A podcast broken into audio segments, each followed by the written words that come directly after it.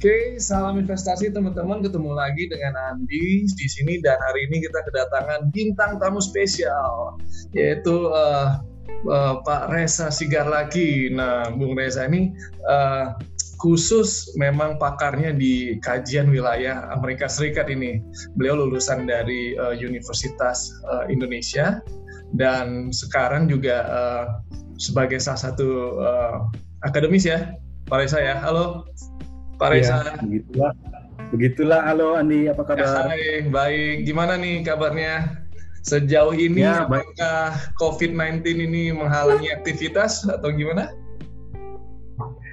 Di Indonesia, ya kita semua masih menunggu kabar ya karena PSBB juga diperpanjang. Kita juga nggak tahu apakah perpanjangan ini bisa diperpanjang lagi atau tidak.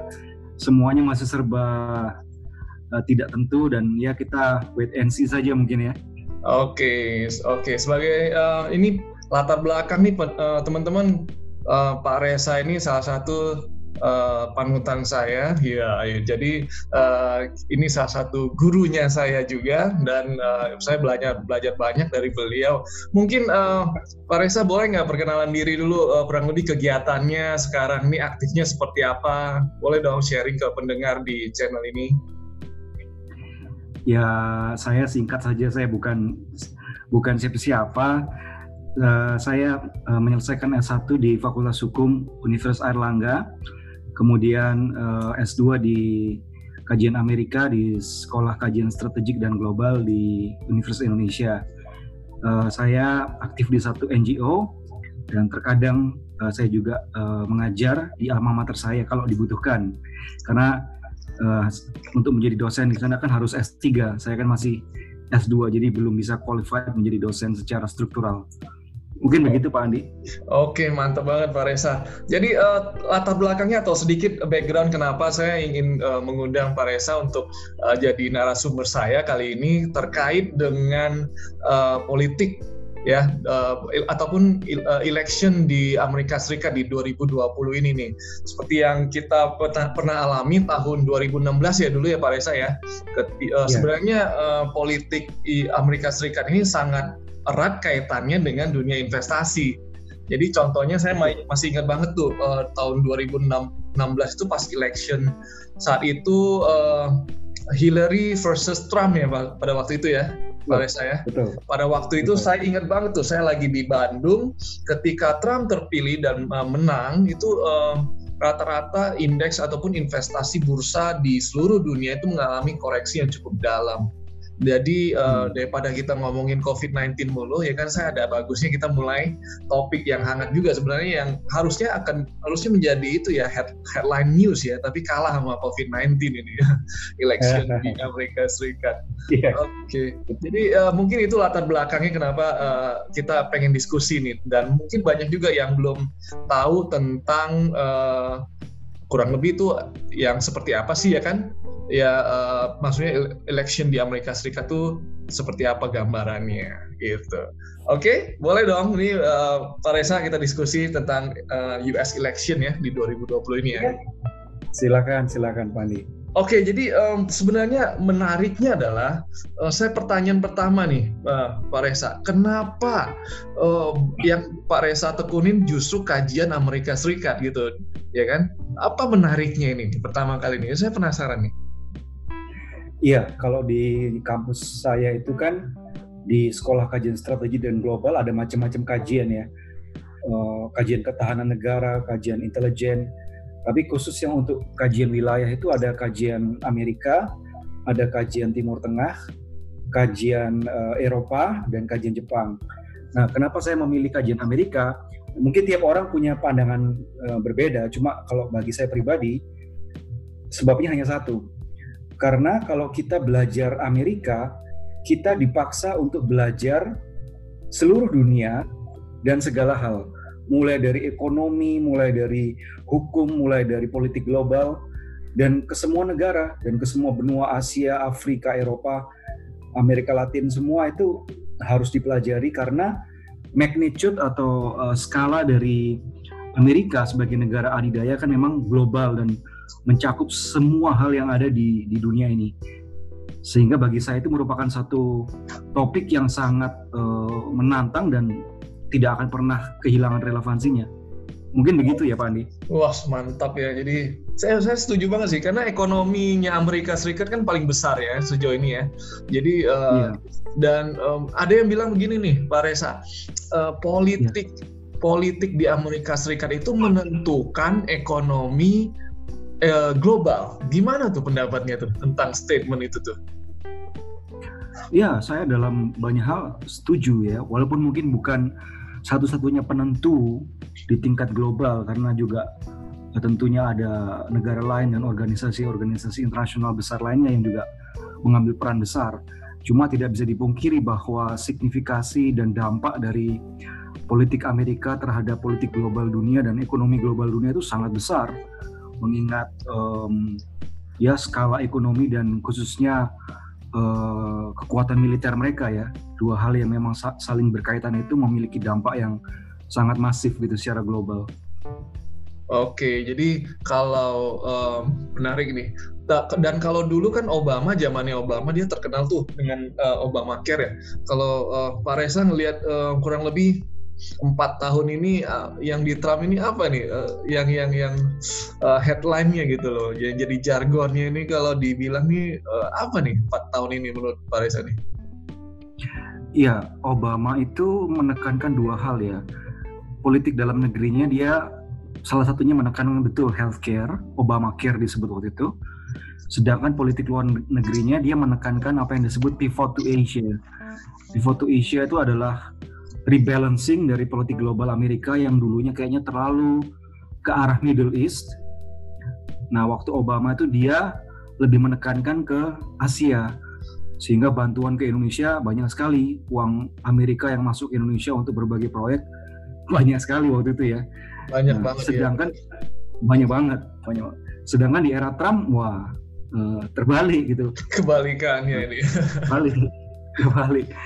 Dia dalam secara dalam negeri dia kurang begitu menekankan uh, eh, BPJS begitu ya, hmm. Obamacare itu. Namun dia lebih menekankan uh, ekonomi domestik, bagaimana uh, mengembalikan uh, ekonomi Amerika yang terpuruk di dunia global. Nah ini terkait juga dengan politik global Amerika yang uh, disebut oleh banyak ahli sebagai politik isolasionisme. Karena memang uh, ya kita kan tahu sejak ah, akhir Perang Dunia II, Amerika membuat satu tata dunia yang disebut uh, neoliberalisme dengan hmm. pasar bebas, dengan or, uh, hukum internasional gitu ya, uh, sampai melewati perang dingin yang ternyata kemudian dimenangkan Amerika sehingga makin kuatlah liberal order Amerika yang um, apa namanya mengagungkan free trade itu. Tapi ternyata belakangan ini um, Trump melihat bahwa free trade ini sudah tidak lagi menguntungkan dirinya dan negaranya. Iya. Karena betul. misalnya, hmm. iya, karena di dalam perdagangan bebas uh, justru Cina yang lebih lebih diuntungkan dengan iya. barang-barang yang sekarang. betul tuh iya. oh, semuanya senternya kayak ke China semua nih Pak Reza betul betul betul iya. Oke okay, barang-barang Cina yang begitu murah itu ya silakan. Iya luar biasa tuh mereka uh, barang-barangnya menguasai banget ekonomi ya. Uh, itu masuk semua betul. dan uh, kenapa produksinya bisa costnya bisa semurah itu ya? Ada ada yang bilang juga uh, salah satu pengusaha di Indonesia uh, harga jual kita dibandingkan harga jualnya uh, China itu nggak sama jauh banget bedanya. Jadi kita kalah jauh dari segi harga. Uh, luar biasa. Oke okay, uh, Pak Reza uh, kembali lagi nih terkait dengan US election ini. Kan beda ya kalau uh, di Indonesia kan kita mengenal sistem partainya banyak tuh ya Iya betul. Ya, banyak banget ya. Kalau di Amerika kan cuma dua, Demokrat dan uh, Republik tuh. Nah mungkin uh, uh, boleh boleh sedikit sharing ya kurang lebih tuh kenapa cuma dua? Emang nggak ada yang maju lagi atau semuanya konsolidasi atau gimana sih itu? Kenapa cuma bisa dua tuh? Penasaran sih. Iya, sebenarnya partai politik di Amerika itu banyak sekali. Misalnya ada partai independen, partai buruh, partai lingkungan, dan segala partai-partai lain. Cuma uh, memang Amerika itu adalah satu negara yang secara politis politiknya itu sangat ideologis. Jadi kita bisa membedakan politik itu dalam dua apa masa besar ya. Pertama partai politik yang sifatnya ideologis yang benar-benar memperjuangkan values gitu. Dan partai politik yang murni pragmatis yang sama sekali ideologi itu hanya tempelan dan dekorasi tapi pokoknya kalau begitu ada kepentingan dia masuk aja sehingga partai yang katanya ideologinya berbeda dengan partai lain bisa jadi kawan. Nah, gitu itu ya. sangat pragmatis gitu ya. Nah di Amerika itu nggak seperti itu Pak Andi. Nggak begitu. Mereka ya? sangat mereka sangat ideologis ya. Hmm. Nah khususnya ideologinya itu adalah ideologi uh, konservatif nasionalisme yang ada di Republikan dan uh, ideologi yang lebih sifatnya uh, social welfare dan liberal. Nah itu ada di dalam Partai Demokrat.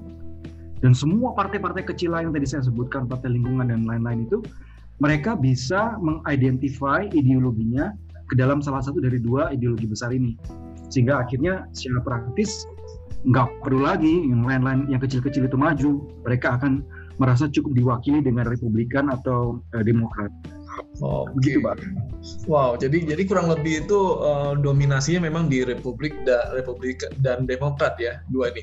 Nah, kalau ada juga yang ada yang istilah sayap kiri, sayap kanan itu yang liberal dan konservatif itu merepresentasikan siapa tuh, Pak? Iya, itu istilah dari zaman uh, politik Eropa di abad pertengahan ya. Kaum yang disebut kaum kiri itu adalah golongan yang selalu duduk di sebelah kiri di kursi parlemen di Eropa waktu itu, yang selalu kerjanya itu nentang polisi pemerintah. Oh gitu, jadi yang sebelah kiri iya. yang nentang mulu tuh. Iya nentang mulu, ngeritik mulu, istilah kita nyinyir mulu gitu. Menarik ini menarik. Jadi jadi peng oh, buat pendengar juga nih, kalau bisa jangan duduk di sebelah kiri tuh, cenderung orang yang nyinyir mulu ya. Oke, okay. iya. itu sayap kiri yang oposisi ya ini berarti ya. Nah, sayap kiri itu kemudian iya jadi oposisi, tapi kemudian sayap kiri itu menjadi satu um, kalau di Amerika itu dianggap itulah partai uh, uh, Demokrat. Oh, Demokrat ya justru ya. ya Yang di, tapi kalau di Amerika itu bukan berarti dia menjadi oposisi perintah, tidak. Oke, okay, oke. Okay. Uh, dia dianggap kiri karena Partai Republik dianggap kanan. Kanan hmm. itu lebih menyiratkan adanya persuasi agama Nah, Republikan itu banyak dihuni kaum evangelical Christians sehingga mereka disebut kanan dan sudah partai uh, Demokrat disebut partai kiri gitu. Walaupun semuanya juga banyak orang beragama di dalamnya. Oke, makanya kenapa uh, Demokrat itu cenderung lebih ke uh, setuju yang LGBT gitu ya. Kalau uh, Republik hmm. yang cenderung menentang itu karena banyak uh, agama itu ya, banyak faktor-faktor uh, agama yang dipakai di Republik itu ya. Kalau nggak salah aborsi. iya aborsi juga dilegalkan di Demokrat ya kalau nggak salah itu ya Pak ya. Iya, sangat Jadi, sangat Oke oke, jadi itu juga tuh yang menjadi uh, uh, isu yang menarik tuh di pemilu uh, 2016 kemarin tuh. Betul. Oke, betul. jadi saya baru tahu juga. Jadi sayap uh, kiri itu kalau di Eropa biasanya yang suka nyinyir gitu ya. Oke oke, menarik menarik. Um, kemudian um, ada juga nih banyak nih yang nanya ter terkait dengan cara mereka uh, memilih presiden dengan di Indonesia gitu. Banyak yang bandingin. Kalau Indonesia kan kita voting masing-masing ya. Yang paling banyak yang yang menang lah. Nah kalau di um, di Amerika Serikat mereka kan mengenal yang namanya sistem electoral vote ya.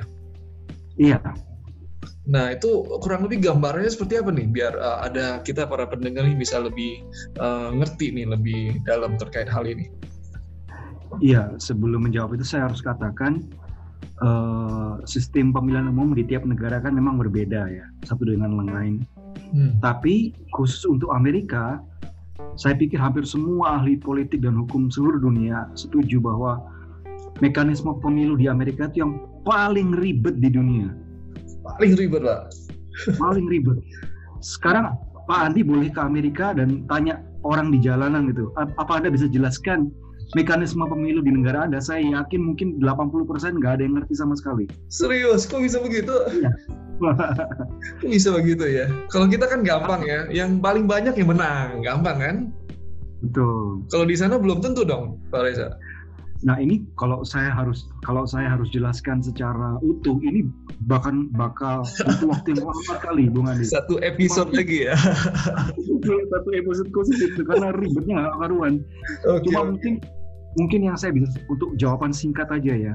Hmm. Uh, uh, kenapa bisa begitu ribet? Kalau saya hubungkan tadi dengan pertanyaan Pak Andi tentang Electoral College, itu karena founding fathers Amerika uh, di dalam mereka mendirikan negara baru waktu itu tahun 1776 mereka itu uh, ingin mendirikan satu negara yang uh,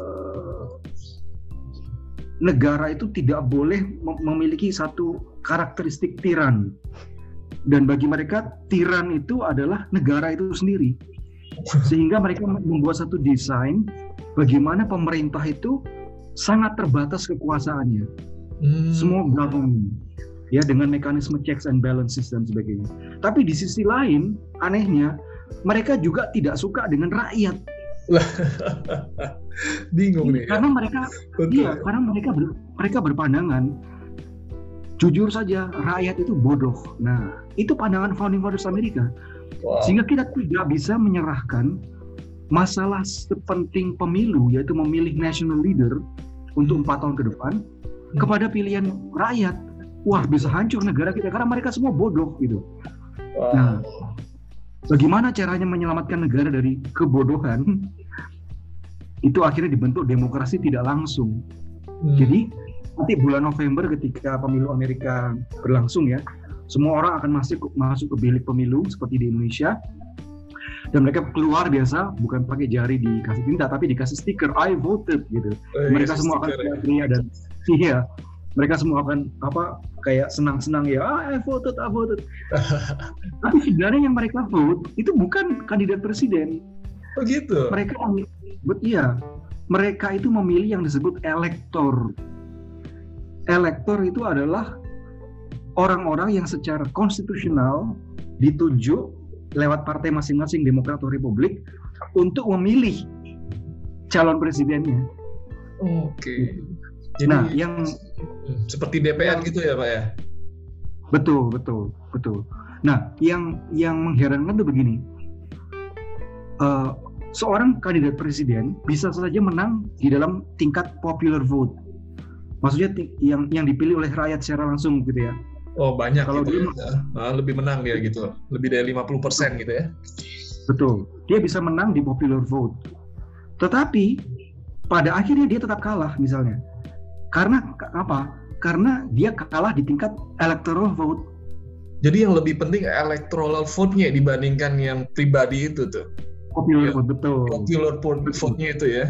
Waduh. Betul. Itu yang terjadi kemarin dengan Hillary Clinton yang menang di dalam popular vote tapi oh, ternyata okay. dia kalah dengan Trump yang menang di electoral uh, vote-nya begitu. Oke, jadi sebenarnya Hillary itu menang ya kalau dari segi uh, populernya ya dia lebih populer ya dibandingkan Trump. Lebih populer. Dari segi electoral vote-nya dia kalah gitu. Oh, makanya saya dengar juga hal ini kalau diterapkan di Indonesia bisa saja presiden kita bukan Pak, Pak uh, yang sekarang ya, ya Pak ya, bisa jadi lawannya ya. Bisa jadi, bisa jadi kalau modelnya ke Amerika ya. Oke oke menarik nih, menarik nih. Oke itu jadi latar belakangnya wow itu um, uh, seru banget tuh. Nah, nah kita masuk nih ke election 2020 nih. Ka, uh, yeah. Menurut Pak Reza sekarang kan kurang lebih kalau di Demokrat kurang lebih kayaknya udah firm mereka akan pilih uh, bapak yang lumayan sudah berumur nih 77 ya Pak Joe Biden ya. Betul. Ada, ada yang bilang Purjo loh, si Trump langsung bilang di sini Purjo gitu ya. nah kalau uh, Republik juga sepertinya belum memilih sih ya, tapi kemungkinan kandidat kandidat kuatnya juga akan uh, Donald Trump lagi ya. Ya kandidat tunggal. Kandidat tunggal dia ya. Jadi udah ada yang males kali semua orang lawan dia. udah ada lagi di Republik dia disebut unopposed. Jadi ya udah hanya dia sendiri secara tunggal gitu. Oke. Nah, jadi menurut uh, Pak Reza ini gimana nih lawannya kali ini dibandingkan Hillary? Uh, kalau Hillary kan seru kan, dia menang tuh. At least uh, popular vote-nya dari menang lah. Kalau Joe Biden ini gimana nanti prediksinya nih? Seru ini.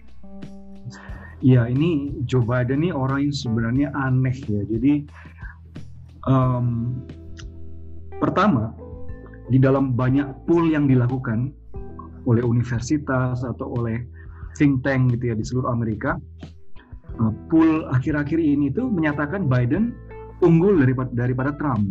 Iya benar tuh, unggul ya. Hmm. unggul. Misalnya dia uh, banyak banyak rakyat percaya bahwa Biden itu lebih cakap di dalam mengurusi hal-hal seperti uh, healthcare. Nah itu kan si Trump kayaknya nggak terlalu peduli ya. Jadi orang banyak lebih percaya, oh Biden bisa lebih dipercaya dalam urusan healthcare. Kemudian dari segi um, leadership, gitu ya, mereka ya rasa Biden lebih kelihatan dan lebih sound like president gitu. kalau kalau Trump itu kan sound like Twitter activist gitu ya.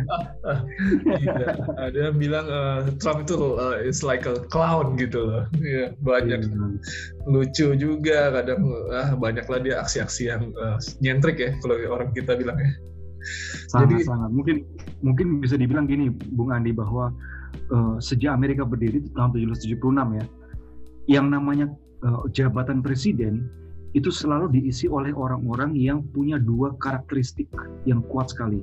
Pertama, mereka itu sangat fasih dalam berbicara secara retorik. Hmm. Jadi apa namanya gaya bicaranya sangat memikat. Ya orang-orang dari Jefferson sampai terakhir di Obama tentunya yang sangat, yeah. sangat luar biasa retorikanya. Dan yang kedua, banyak dari mereka itu adalah uh, ahli hukum. Nah, jadi dua dua kemampuan ini sangat lekat dalam jabatan presiden, literature dan legal mind gitu. Hmm. Nah dua-dua ini absen di dalam Trump. Dia bukan lawyer dan gaya bicaranya amburadul gitu. Jadi orang udah aduh kok presiden saya seperti ini gitu ya. Aduh, oke itu menarik gitu. Jadi harus jago ngomong dan uh, pintar hukum. Ini Pak Reza banget nih dua-duanya nih. Jadi kembali lagi nih ke Joe Biden versus Trump. Jadi uh, menurut Pak Reza, ini kan tadi Joe uh, Joe Biden ini orangnya agak nyentrik juga ya. Um, karena dia jago di um, uh, di healthcare dan segala macam. Nah, yeah. gimana peluangnya nih tahun ini nih?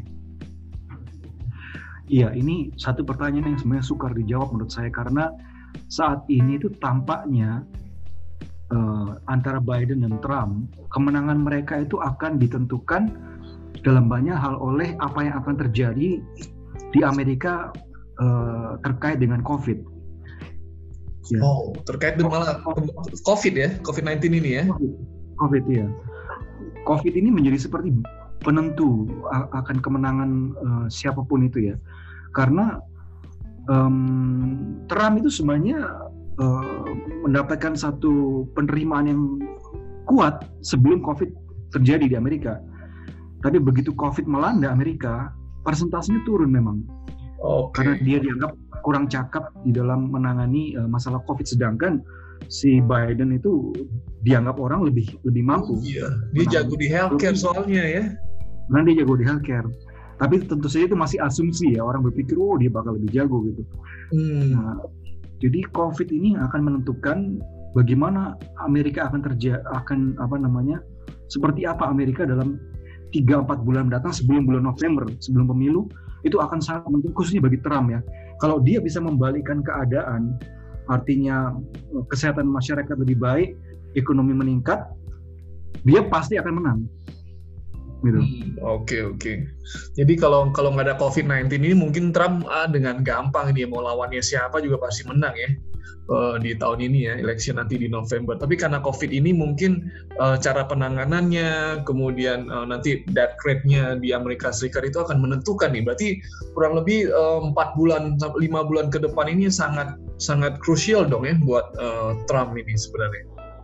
Betul, betul sekali. Itu sangat krusial bagaimana dia menghandle COVID ini, sekaligus juga eh, bagaimana dia eh, memperlihatkan kepada rakyat Amerika perbedaan yang sangat drastis dengan Biden itu dalam soal Cina ya.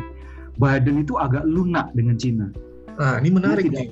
Trade terkait dengan China akhirnya ya. Iya, betul betul.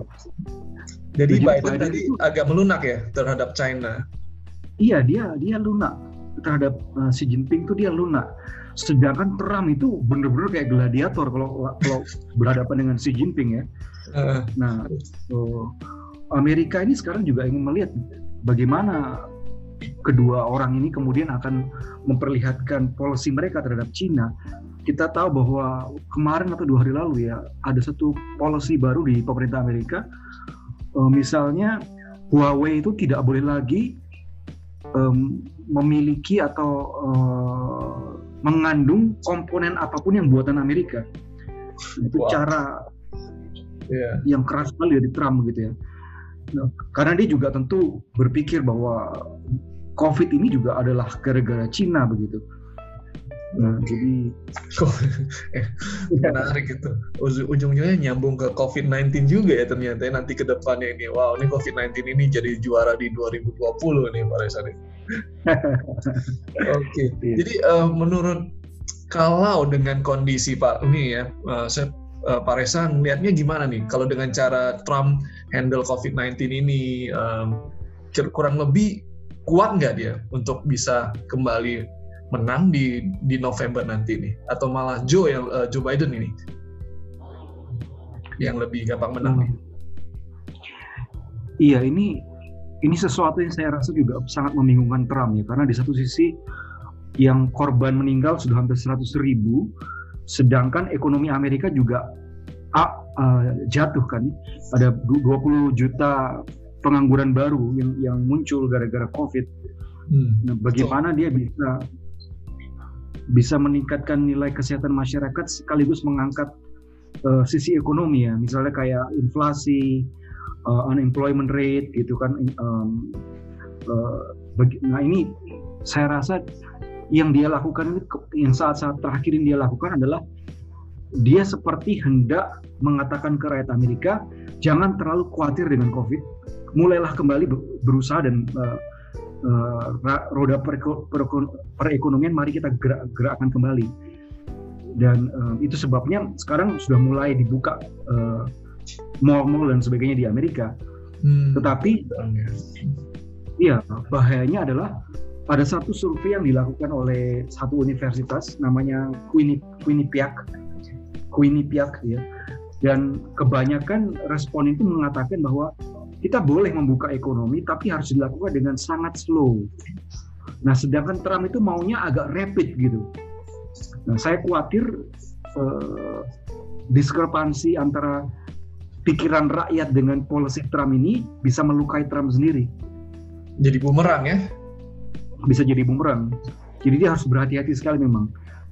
Oke, wow ini menarik ini. Jadi uh, kalau dilonggarin terlalu longgar takutnya nanti kalau ada second wave juga dia makin parah ya kan ekonomi bukannya recovery malah makin parah jadi serba salah juga nih waduh Betul. jadi kurang lebih waduh Joe, uh, Joe Biden kayaknya mendapatkan angin segar nih ya gara-gara COVID-19 ya.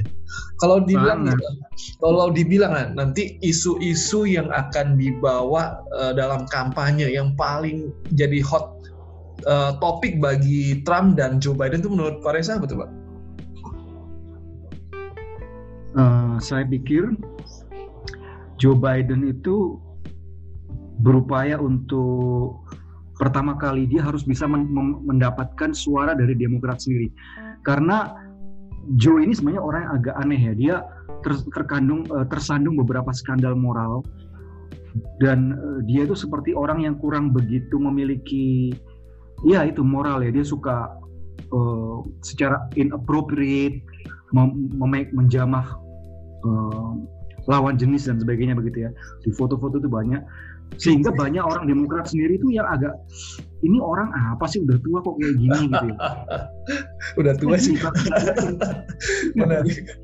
Ternyata. Bahkan nggak yakin Pak Andi.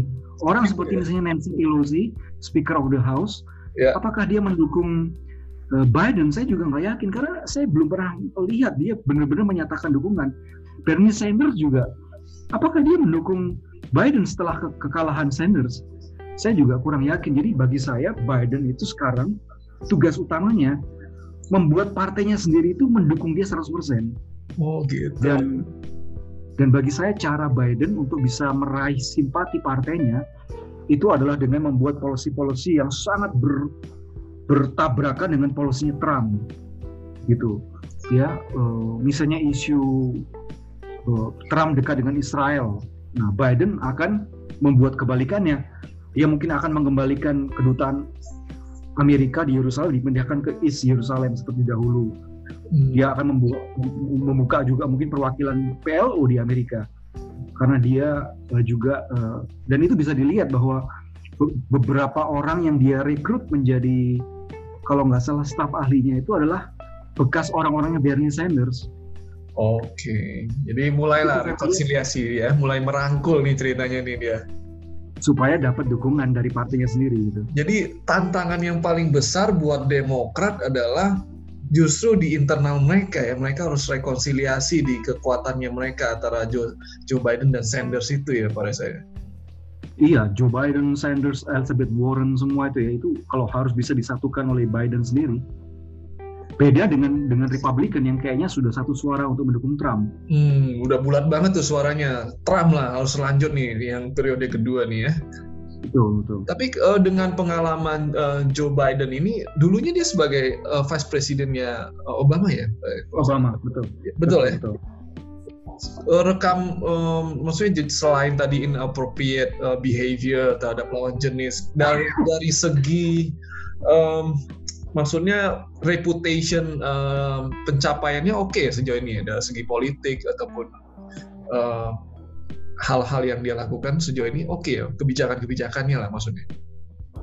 Ya saya rasa sih secara umum orang orang Amerika merasa um, Biden lebih memiliki pengalaman politik dibanding Trump karena dia kan sudah lebih lama di politik.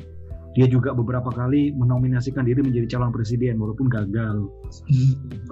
Dan itu yang menyebabkan banyak rakyat Amerika menilai statecraftnya itu lebih kuat daripada uh, Trump dan itu bisa mungkin memperbaiki citra Amerika di mata dunia sehingga mungkin itu yang membuat banyak rakyat Amerika juga merasa oh make make America great again itu adalah kalau kita memilih Biden mungkin itu ya pikiran-pikiran uh, simpatisan Biden gitu.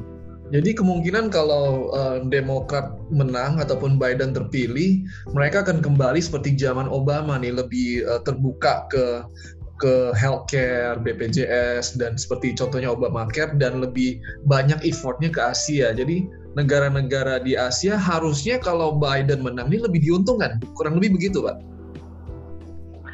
Iya, saya pikir secara makro seperti itu ya. Cuma apakah kemudian dia berkonsentrasi kepada Asia itu saya juga bisa, uh, belum tahu. Karena bagi saya saat ini Amerika itu punya masalah besar di Eropa. Hmm? Karena khususnya uh, Jerman dengan Prancis ya mereka sudah Merkel dengan Macron itu punya masalah besar dengan Trump sehingga bagi saya kalau saya menjadi Biden saya akan lebih mengurusin uh, relasi European Union dengan Amerika dulu sebelum ke Asia. Oh hubungannya ke Eropa diperbaiki dulu ya gitu ya, dibagusin lagi ya. Karena gitu. kalau enggak Eropa bisa teracuni Cina, waduh, Amerika bisa kehilangan sekutu paling kuat itu. Gitu. Eh kalau misalnya um, Biden yang menang nih, Pak Reza, kemungkinan trade war-nya gimana? Lanjut lagi nggak nih? Uh, maaf, siapa siapa? Kalau Biden terpilih lagi nih, uh, sorry, yeah. Biden menang nih, menang dari Trump. Uh, yeah. Trade war ini akan lanjut nggak menurut kan? Trade war ini kan ibaratnya anak ataupun program Trump banget ini. Iya. Yeah Oh iya itu pertanyaan yang bagus sekali. Um, saya rasa sih uh, Biden akan tetap melanjutkan trade war tapi dalam ska, dalam skala yang tidak seintens uh, Trump ya. Karena memang pada waktu zaman Obama itu dia kan orangnya sangat kosmopolitan. Jadi kayak mengharapkan satu dunia yang harmonis dan bekerja bagi kemajuan bersama gitu. Tapi makin hari itu makin kelihatan bahwa memang Cina itu tidak punya satu niat baik uh, di dalam uh, kemajuannya. Dia kan selalu mengatakan bahwa kami ini peaceful rise begitu Cina. Hmm, hmm. Tapi ternyata makin hari banyak orang melihat bahwa Amerika uh, Cina itu punya satu niatan memang untuk mendongkel Amerika ada satu buku dari Michael Pillsbury, judulnya The Hundred Year Marathon. Di situ diceritakan dengan sangat gamblang uh, strategi Cina untuk mendongkel Amerika dari dari posisinya di dunia dan itu apa namanya buku yang sangat otoritatif karena Pillsbury adalah orang yang sudah uh, 30 tahun di dalam pemerintah Amerika khusus meneliti soal Cina.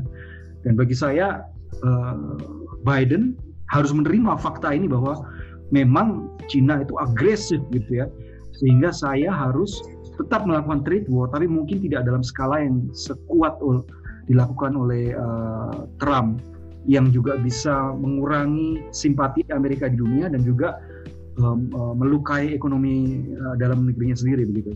Hmm, menarik nih. Jadi uh, trade war ini pun kemungkinan akan tetap dilanjutkan ya, karena uh, mungkin kalau dilihat-lihat juga yang selama ini Trump lakukan ini terkait dengan trade war, efek banget sih ke pertumbuhan ekonominya China sih. Jadi mungkin uh, menurut menurut mereka juga ini berhasil lah mengurangi uh, perkembangan di China. Tapi kalau Trump mah udah pasti ya, ya Pak ya. Kalau dia terpilih, trade war ini akan jadi uh, yang pertama kali, yang paling kencang. Force. Belum terpilih aja dia udah mulai uh, gerasa gerusuk ini ya kan. Eh, contohnya yang Huawei tadi, kemudian emiten-emiten di China nggak boleh uh, mengumpulkan dana di Amerika Serikat. Itu aja belum terpilihnya udah mulai ya kan. Waduh. Betul. Ini, jadi trade war jilid kedua uh, kemungkinan akan lanjut terus ya. Ini nggak akan selesai dalam satu tahun ataupun dua tahun ya siapa pun presiden yang akan terpilih di Amerika nanti ya tidak akan cuma skalanya aja mungkin yang berbeda. Skalanya yang akan berbeda. Nah, ter, nah biasanya kalau kalau kita di teori ekonomi itu kita uh, mendengar kan biar kalau ada election ini biasanya pemerintahan sekarang yang yang uh, yang sekarang ini biasanya melakukan uh, kebijakan yang populis lah kok. Ya, pada yeah. saya terkait dengan kebijakan uh, yang pro rakyat ini. Jadi um, kurang lebih sampai akhir tahun ini jadi apa yang uh, Trump kurang lebih akan lakukan nih untuk dapat hatinya orang-orang Amerika nih? Um, saya pikir Trump uh, dia menciptakan banyak lapangan pekerjaan yang baru dan uh, strategi Trump itu tentunya tidak bisa dilepaskan dari politik luar negerinya ya.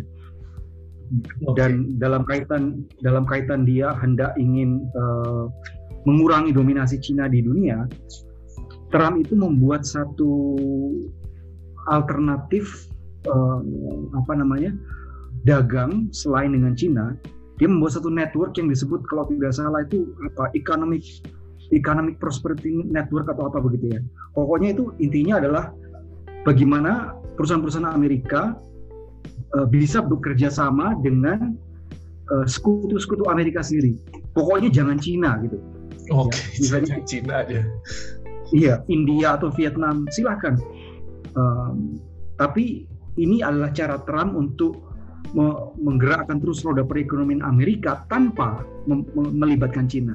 Hmm. Nah, jadi apakah ini kemudian kita bisa anggap sebagai satu bentuk kebijakan yang populis atau tidak? Saya juga uh, agak sukar untuk menilainya ya. Tapi saya pikir kebijakan apa pun yang Trump coba lakukan itu akan selalu ada kaitannya dengan penolakannya terhadap Cina. Dan rakyat Amerika diharapkan memahami hal itu. Gitu, ya. Wow, ya. makin menarik nih. Jadi uh, Indonesia, nah, nah ini pertanyaannya nih. Tadi kan eh, negara-negara selain China. Jadi menurut Pak Reza ini mana yang lebih bagus terpilih efeknya yang positif buat Indonesia? Apakah Biden atau Trump nih? Um, kalau kita lihat kan kemarin uh, Trump juga uh, sempat diskusi untuk alat ban uh, COVID ya, ventilator. Nah, nah, ya kan dia lumayan nih pro terhadap uh, Indonesia. Tapi secara garis besar Indonesia ini ekonominya juga uh, banyak lebih banyak juga ke China nih. Jadi menurut uh, Pak Reza gimana nih? Ya, uh, menurut saya begini. Kita melihatnya tidak boleh kepada person ya, Trump atau Biden Hmm. Kalau menurut saya Indonesia itu harus membuat dirinya itu digemari oleh Amerika, entah siapa pemimpinnya. Jadi caranya itu adalah dengan misalnya kita selain meningkatkan uh, indeks ease of business kita, uh, kita juga harus bisa memperlihatkan bahwa Indonesia adalah tujuan investasi dan turisme yang menarik. Hmm. Dan ketika kita bisa melakukan itu, kita harus mendekati baik Cina maupun Amerika. Sehingga akhirnya keduanya itu berebutan untuk masuk ke Indonesia. I see, menarik tuh. Jadi Saya pikir, bukan bukan lihat dari personalnya ya, tapi Indonesianya sendiri ya yang harus bergerak harusnya ya. Harus dipermak lebih bagus begitu ya. Diper, dipermak lebih bagus oke. Okay. Oke, okay, uh, eh, pertanyaan terakhir. Menurut Pak Reza, Pak Reza ini lebih yang mana akan menang nih? Demokrat atau Republik dengan calonnya Joe Biden dan versus Trump? Uh, ini memang pertanyaan yang sukar buat saya karena saya melihat akhir-akhir ini akan muncul banyak swing voters. Swing voters Jadi, akan ya, iya. oke okay, oke, okay. menarik nih. Dan termasuk juga golongan-golongan independen ya. Dan saya pikir untuk model seperti ini, mereka itu yang nanti akan menentukan uh, siapa yang akan menang antara Biden dan Trump. Dan karena mereka ini nggak jelas juga orangnya, maka sekali lagi uh, bolanya itu menurut saya ada di tangan Trump saat ini. Kalau dalam 3-4 bulan ke depan dia bisa membuat satu kejutan-kejutan di bidang ekonomi dan di bidang kesehatan masyarakat, maka Trump akan menangkan pemilu. Tetapi sebaliknya kalau Biden berhasil mengkonsolidasi Partai Demokrat dan uh, kemudian uh, menyatakan dengan gamblang kesalahan-kesalahan yang dibuat administrasi Trump dengan retorika yang kuat, dan kesulitan Partai Demokrat, maka dia juga memiliki uh, peluang untuk memenangkan pemilu. Oh. Tapi bagi saya pribadi, uh, bagi saya lebih banyak tergantung swing voters mungkin pada akhirnya.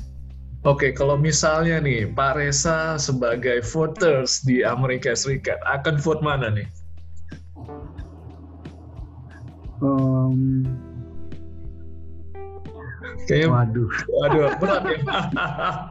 Pilihan yang berat ya, Pak ya. Mending apa? Uh, nggak nggak vote gitu. nah, harus ya. harus pilih vote gitu, ya kan? Iya, saya saya terus terang adalah orang yang agak takut dengan gerak-gerik Cina memang karena agresif sekali. Oh, kita gitu bisa ya? lihat apa yang iya. Kita bisa lihat apa yang dia lakukan di Laut Cina Selatan bukan? Hmm. Dengan dia membuat pulau-pulau buatan secara ilegal yang melanggar UNCLOS, hukum laut internasional, dan di pulau-pulau itu kemudian dia membuat pangkalan militer dengan pesawat bomber uh. yang bisa mencapai Jakarta. Yep. Gitu. Nah, itu saya pikir adalah ancaman uh, regional untuk Indonesia. Maka kalau hanya dilihat dari sudut keamanan, saya akan pilih Trump. Oke. Oke oke terima kasih nih. Waduh nih uh, sebenarnya kita bisa lanjut sampai uh, sejam dua jam nih kalau ngomongin diskusi tentang politik uh, Amerika Serikat ya Pak Reza ya. Tadi kalau ngomongin the iya. founders uh, kenapa aja electoral vote aja itu bisa satu sesi khusus. Oh ini sangat menarik. Oh. Tapi satu karena semester. satu semester. Tapi karena waktunya kita terbatas juga, uh, thank you banget nih udah jadi narasumber untuk uh, untuk uh, bintang tamu edisi kali ini nih untuk podcastnya saya nih Pak Reza nih. Mungkin ke depannya kita boleh diskusi lagi ya. Dengan senang hati saya juga senang sekali bisa bicara di podcastnya Pak Andi, seorang pakar finance muda yang luar biasa. Aduh, terima kasih Pak Reza. Oke, okay. kalau gitu sekali lagi saya ucapkan terima kasih kepada Pak Reza Sigar Laki sebagai uh, pakar kajian uh, Amerika nih, wilayah Amerika ya. Dan um, bagi pendengar yang uh, belum uh, apa belum follow podcast ini nanti tinggal di follow dan uh, ikuti terus diskusi-diskusi uh, kami ke depannya dengan bintang tamu yang menarik tentunya. Oke, okay, saya Andi undur diri dan terima kasih Pak Reza atas waktunya. Terima kasih Bung Andi.